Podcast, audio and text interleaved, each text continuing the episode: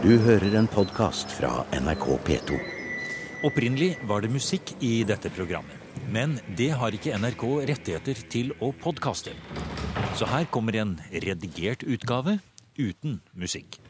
Dette programmet ble første gang sendt i mai 2016. Vi må kjenne lukten av fisk. Det er det, da. Ja. Museum er på vei ned i magasinet i spesialsamlingen på Universitetsbiblioteket i Bergen. Bjørn Arvid Bagge viser vei og sier vi skal kjenne lukten av fisk.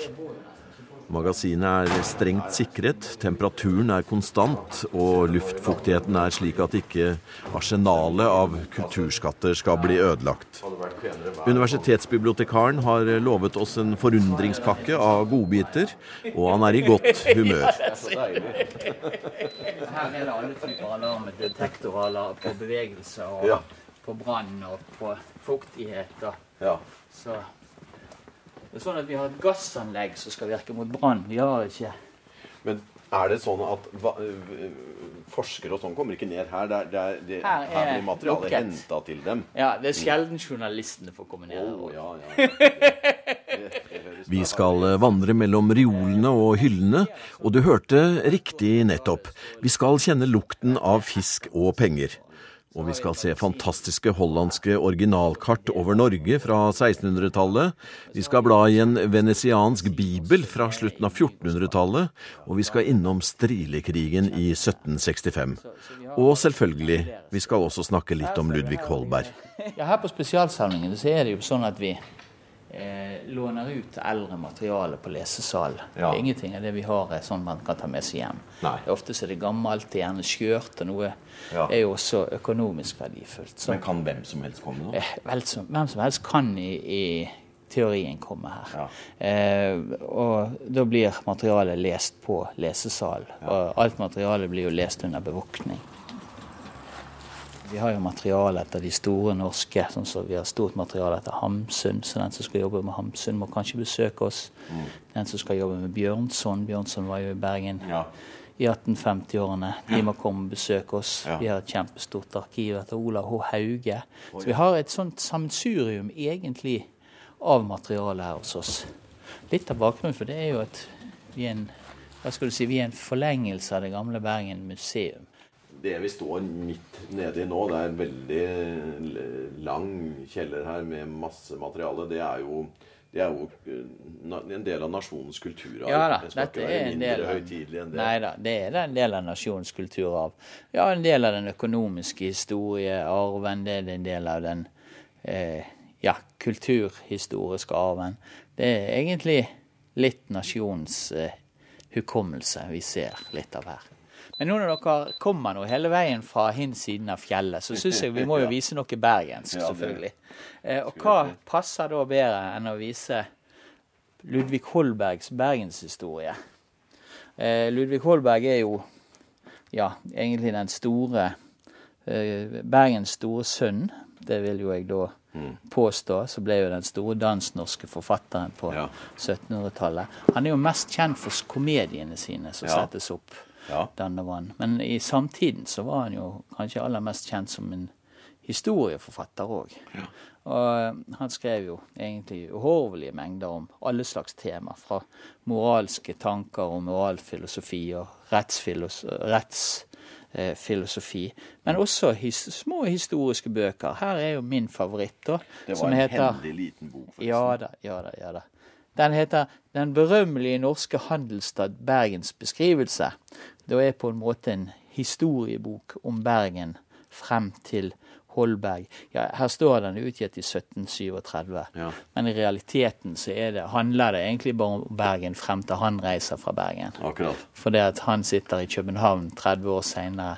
Han får riktignok noen opplysninger sendt ned fra seg, Ja. ned til seg av rådmannen i Bergen, eh, Klaus Fasting. Men han, eh, han eh, koker hop mye av det som han har tatt ifra sin egen husk. Nettopp. Og så har han fått tak i ett stort manuskript når han holder på å skrive Danmarks rikes historie. Det er et kjempetrebindsverk Ja. på 1000 sider, eller mer Ja. enn det, eh, som handler om Bergen. Det er skrevet av en bergenser som het Edvard Edvardsen, som var lærer på Bergen katedralskole. Ja. Det er et kjempestort verk. Vi har det her òg, et eller annet sted. Eh, der har vi den. Oi, Eh, så det Holberg gjør da, Ja. i realiteten Han tar disse to kjempestore bindene, Ja. tettskrevne store bind, nydelig håndskrift for øvrig. Så lager han sammendrag, I den lille og så i denne lille her. Og så plusser han på det han har liksom klart, og, og det han husker fra sin Ja. egen barndom, og Ja. litt grann fra denne fasting. da. Ja, han går jo tilbake til middelalderen og grunnleggelsen av Bergen. Og det er noen fantastiske beskrivelser egentlig av byen. Vi må jo tenke på at vi befinner oss på begynnelsen av 1700-tallet. Bergen var jo den største byen i Norge. På langt eh, den største byen i Norge. Og den største handelsbyen i, i, i Danmark-Norge. Så det var jo en stor virksomhet på havnen i Bergen. Og, og, og ja, han går da tilbake til guttedagene hvor det var sånn høykonjunktur, og det var masse, masse skip før den store nordiske krig. Og, og forteller om hvordan byen fungerte den gangen. og, og alt folkelivet. Og hva de guttene gjorde i gaten. Altså hvordan eh, eh, folk eh, oppførte seg i forhold til hverandre. Ja. Mye morsomme ting, Ja, egentlig. Bergenserne. Ja, ja, inn på livet, ja. Så han forteller at bergenserne er så arbeidsomme at de har ikke tid til å hilse på folk. Dette blir gjerne oppfattet av utenbysfolk for å være uhøflig. For til og med den som er rik kjøpmann, han fyker av gårde med varene istedenfor å ta seg tid til å stoppe opp og prate med folk. Og bergenserne, det de er mest kjent for, det er jo det at de er ikke opptatt av boklige lærdommer. Når de treffes, så er det kun handel de snakker om. Til stor eh, frustrasjon og irritasjon for utenbysbesøkende. Kunst og litteratur, helt uinteressant. Det er handel bergenserne er opptatt av. Fordelen med det er jo at, at bergenserne er jo så ivrige i arbeidslivet, det er jo at de da ikke får tid til så store utskeielser. Altså, moralen skal visstnok være ganske høy. Det går jo litt i kollisjon med hvordan Bergen oppfattes utenifra. Ja. For det, Bergen oppfattes jo som en litt sånn usømmelig by. Det er en handelsby, vet du. Ja, Men det er jo selvfølgelig alle de besøkende som kommer og har med seg dette. Ja da. Det er alle matrosene, så. Nei, altså, dette er en artig bok, egentlig. En fin, liten sånn bok, men, men, men, men, mye artige ting som handler om Bergen på 1700-tallet. Og det forteller kanskje egentlig litt om livet i norske byer på 1700-tallet like mye.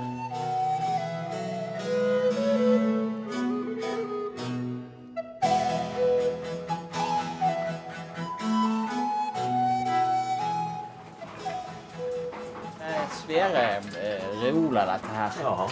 Det er det. Det er stålhyller som eh, For å spare på plassen, så har vi sånne Det, det heter kompakthushyller. Det er Ja. egentlig hyller hvor eh, Som går på skinner og så som går på skinner, og, og du kan fylle inn i ganske mye. Det er ikke alle de fine bøkene vi vil ha i denne typen, siden de beveger seg. og Nei. Vi vil helst ha stabilt underlag. Ja. Men kart passer det til, for det her er egne skuffer så kartene ligger nede. ja, det skjønner jeg. Ja. Museum er i Bergen universitetsbiblioteks spennende og rikholdige magasiner. Det er universitetsbibliotekar og historiker Bjørn Arvid Bagge som har tatt oss med til alle bøkene, brevene, dokumentene og kartene. Og etter kartene skal vi få en kort innføring i strilekrigen i 1765. Og så skal vi lukte fisk og penger. Når vi snakker om kart, her har vi jo et flott eksempel på en kart. Ja, her ligger det et stort et som heter Norvegia Descriptio 1662. Ja, det er egentlig et, en av de kart Hva skal du si kartene jeg er mest glad i, da. Eh, det har en lang, lang historie, dette her. Johannes Blau var en av de store hollandske kartografene på 1600-tallet. Egentlig var han utdannet jurist, han. Men eh, faren hans var kartograf for det hollandske Øst-India-kompaniet. Ja. Wilhelm het faren. Wilhelm eh, Blau. Men når han dør, så får Johannes da eh, Så går han òg inn i kartbransjen og blir da sjefskartograf for det, eh, for det hollandske Øst-India-kompaniet. Og For å få vite hva det er for noe, det kompaniet, det kan jeg godt fortelle litt om. Det er i grunn, eh, det hollandske Øst-India-kompaniet er verdens første internasjonale selskap, multinasjonale selskap. Og det er òg verdens første aksjeselskap. Eh, det var et selskap hvor eh, man hadde over 20% avkastning i 200 år. Så det var et selskap med enorm eh, eh, profitt. Og det var et selskap som fungerte på den måten at de hadde alle fullmakter ifra, fra Amsterdam. Ja. Eh, så de kunne slå mynt, de kunne òg erklære krig. Så det å, å, skrive, lage karter for dette, det var jo en, en, en stor ting. På 1600-tallet var hollenderne de store, den store sjøfartsnasjonen. Den store handelsnasjonen. Rundt 1650 hadde hollenderne alene like, stor, like mange skip som alle andre europeiske sjøfartsnasjoner. Dette er folk, ting som folk ikke vet. Og Dermed så overtok de da handel på, på mange områder, bl.a. Ja. på Østen. Og det er der vi har dette østindiske kompaniet ifra. Ja. Eh, men de drev også og handlet i Europa. Og i Norge var de spesielt opptatt av treverk. For at Holland er jo ikke kjent for å ha mye trelast. I, I Norge og vestlandskysten så var det mye tømmer på denne tiden. Og pga. at de reiste og hentet ut tømmer, så trengte de karter. Og det er bakgrunnen for de første kartene som viser bare Norge. Og det vi har her, det er det første kartet som viser bare Norge. I original? I original. Oi, oi, oi. Det er et kart fra, som er trykket i 1662. Det er et vakkert kart, syns jeg. Eh, og det som er spesielt her, det er du vil se, det er jo nesten ingenting som er riktig inni landet. Nei. Men kyststripen, er så... den er detaljert og fin, og Ja. den er sannsynligvis ganske riktig. Ja. Og årsaken til det, selvfølgelig, hollenderne var interessert i tømmer. Ja. Eh, De reiste til Norge for å kjøpe tømmer. Hadde de nøye inntegnet kystlinje, så betød det at en ikke nødvendigvis måtte reise til Bergen og hente los Nei. og ha med seg embetsmenn for Nei. å betale skatt på tømmeret som ble tatt ut. Ja. De kunne reise rett inn og ta ut eh, eh, trevare. Eh, og det vil du se. Her er mange, Dette er det som viser hele Norge, men her er mange andre kart som viser deler av Norge. Ja. Der vil du se flere steder det er inntegnet sager, eh, sånn at man kunne reise rett inn på sagene til ut. I 1665 så var det brutt ut krig mellom England og Holland. Du vet, Hollenderne dominerte verdenshandel. Engelskmennene ville gjerne inn og ta over. Og da brøt ut krig. Eh, Danskekongen han ville jo da være på lag med den det var mest å tjene på å være på lag med. Så han forhandlet med begge parter, da. Ja. Hvem hadde mest å tilby han? Ja. Så hadde han et horn i siden til danskekongen, eh, Fredrik 3., for han mente at Fredrik hadde vært med å lure han inn på forskjellige krigsprosjekter som hadde vært en katastrofe for Danmark-Norge. Blant annet derfor vi Danmark-Norge mistet Skåne. Sant? Men i hvert fall, når de skal snakke om å være, inngås noen avtaler, så skylder eh, danskekongen hollenderne en masse penger. Ja. Det tar jo da lederen for den, danske, den hollandske republikk, Johan de Witt, opp med danskekongen. De sier ja, men du skylder oss tre millioner riksdaler. Og da fnyser jo da den danske kongen tilbake igjen og sier ja, men du har svindlet meg for 30, nei, 300 tønner gull bare i ubetalte avgifter på norsk tømmer og på eh, eh, toll i Øresund, Øresundsområdet. Eh, ja. Ja. Altså 300 tønner gull, altså 30 millioner Ja. riksdaler. Ti ganger så mye. Så det er en god, god historie. Men i hvert fall, eh, hollendernes storhetstid, de får tegnet karter. Og av dette så får du de første grundige kartene som viser Norge. Og dette er eksempler for det. Og en morsom liten ting her for øvrig. Eh, de hollandske kartene på 1600-tallet har ofte fine miniatyrer, og de sier noe om landområdene. Her ser du f.eks. en tømmerhogger når du viser Vestlandet, og et par geiter. Det er jo flott. Strilekrigen er nevnt eh, tidligere i programmet. Og det er et intermesso i Bergens eh, historie som eh, Bjørn Arvid Bagge vet mye om. Han skriver bok om temaet, og kildematerialet finner han hovedsakelig her nede i spesialsamlingen på Universitetsbiblioteket. Og det er ikke usannsynlig at det kan komme et program bare om dette temaet senere. Men Bagge gir oss en kort innføring her og nå. I våre samlinger har vi store mengder med manuskripter. Et av de manuskriptene jeg har, har holdt på å jobbe med den siste tiden, og jeg syns er jo veldig spennende. Det er et manuskript som eh, inneholder beretningen fra det som vi kaller for Strilekrigen i Bergen. Det er Strilekrigen. Det var et skatteopprør. Til Bergen kom der striler fra Altså en stril i gamle dager så sa du det var en som brukte og ro, greide å ro til Bergen på én dag. Det var de som holdt til i området Ja, rundt er Bergen. Det er et geografisk område Ja. rundt Bergen på en måte Ja. som kalles striler. Det er Ja liksom bønder og fiskere. Ja, det er og. Det er ikke bymennesker. Nei da. Nei da. Og det var de da som rodde til byen på på én dag. Det var den gamle måten å definere det på. Ja. Så, men i hvert fall, disse fikk så mye skatt i 1760-årene at til slutt så gjorde de opprør, eller oppløp i hvert fall. Ja. De reiste mannsterkt til Bergen. Eh, det var kommet noe som het ekstraskatten. Den gjorde at man fikk dobbelt så mye skatt som man hadde tidligere.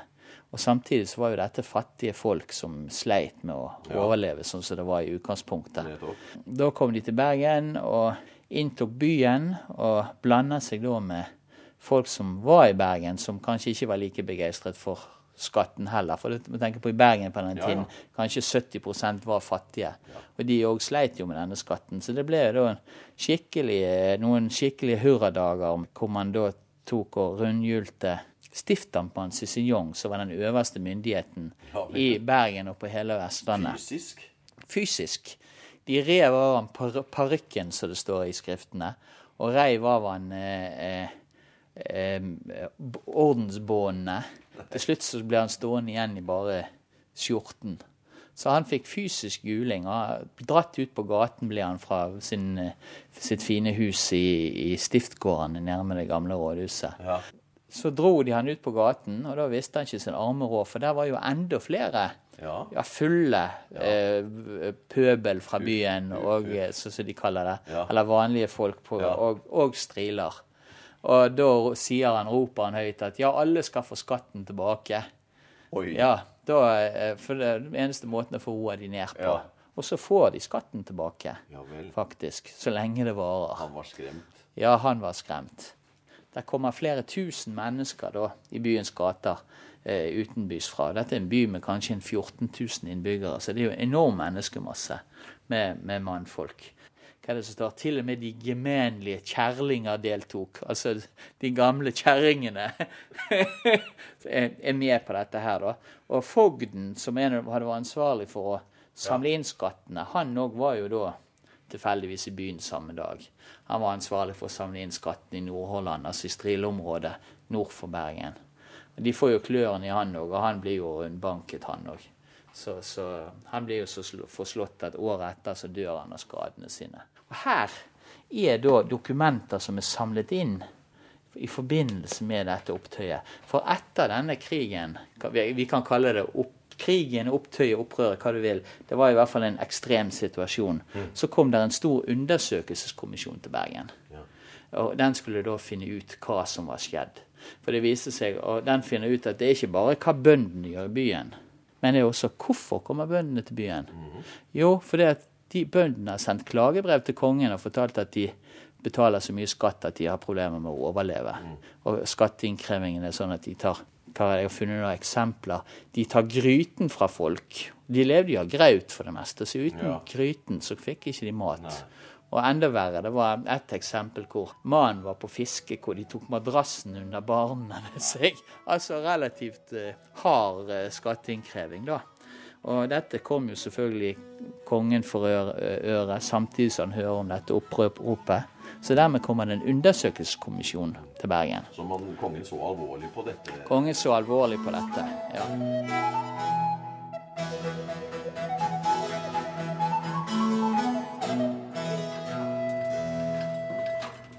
Ja, så her er, her er noe for enhver smak. Går vi rundt her, så kan vi se noe helt annet. Eh, Det er boksamlingene. Nå har vi snakket litt sånn løst og fast. Ja. Ja, boksamlingen. Jeg må jo få vise vår fineste, eldste bok. Eldste trykte bok, vel å merke. Ja. Vår eldste trykte bok. Her skal vi gå. ja. Du er kjent her, du. Ja, jeg har gått her noen år. Jeg har egentlig fått dette på plass i sin tid òg. Ja. Vår eldste trykte bok er en bibel fra Venezia. En bibel fra Venezia, ja. Fra 1476. Slik ser den ut. Nesten like fin i dag som den var for 500 Da år siden. snakker vi, ja.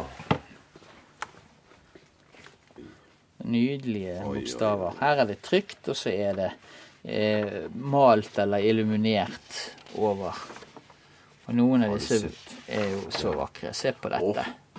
Det er jo så vakkert. Altså, Ja. med gull og Og fremdeles er det jo nesten like god stand som det var for 550 år siden. bilder. Se, ja, du. Hvor er vi igjen i Bibelen der, da? Det er helt i Eh, starten. Genesis, det Ja, er, det er Mo- Mosebok. Mosebokene. Nei, Ja. det var flott, altså. Så det er liksom artig. Det skinner artig. gull ut av boksiden. Ja, det gjør det faktisk. Det er jo ille å spørre om sånt nå, men er sånt mye verdt? Jeg må si sånn prinsipielt så uttaler jeg meg egentlig ikke om Nei.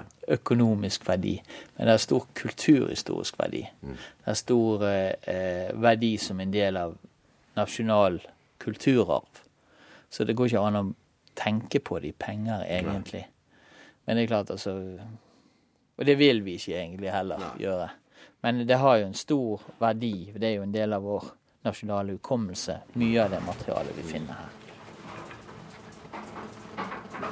Jeg hadde litt moro av å vise deg da sånn litt sånn på tampen. Det er jo en del av disse boksamlingene våre. Holberg har vi jo snakket om. Her er vi i Dickens England. Universitetsbiblioteket har alle Dickens-bøker i førsteutgave. Vi har eh, alle utenom to i den måten bøkene først ble publisert. Ja. Det har seg nemlig sånn at Dickens bøker de ble publisert som følgetonger. De ble månedlige hefter som ble solgt på gaten for én skilling. Var jo superpopulære, da. Så, så det var kiosklitteratur, egentlig. Og eh, vi har jo da nesten alle de bøkene i de kioskheftene. Så hvis jeg nå kan finne et eksemplar som inneholder akkurat det, eh, så, så hadde det vært litt morsomt å få vise hvordan det faktisk ser ut. Eh, disse bøkene var da samlet av en som het skipsreder Christensen. Eh, han kom tilbake til Bergen i 1913 etter å ha utdannet seg i, i utlandet. Han var en grunnrik mann. Eh, ble, fikk en av Bergens største og drev frem en av Bergens største rederier Ja. og hadde masse penger.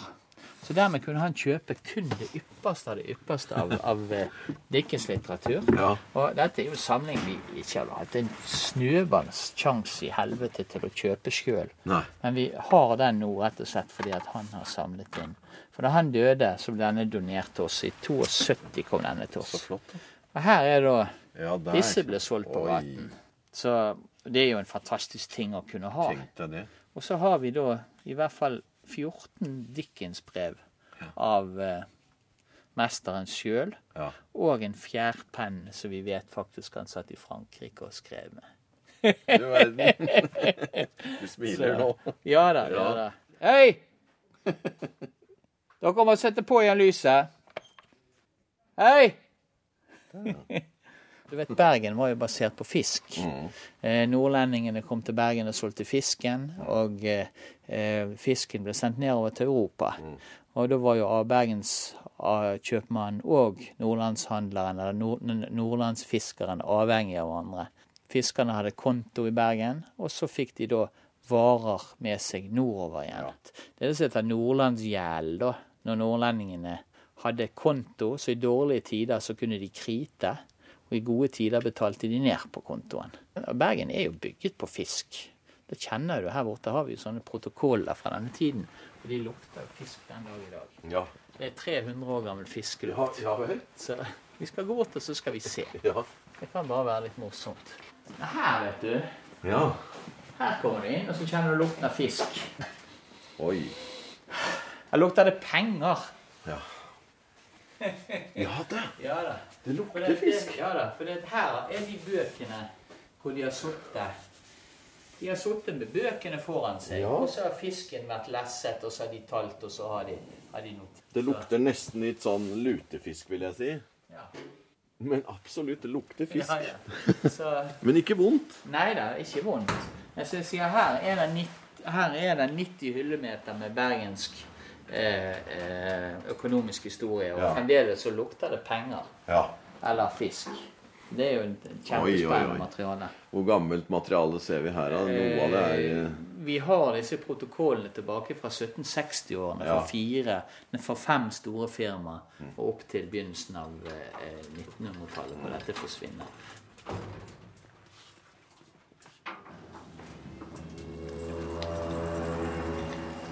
Du har hørt en podkast fra NRK P2.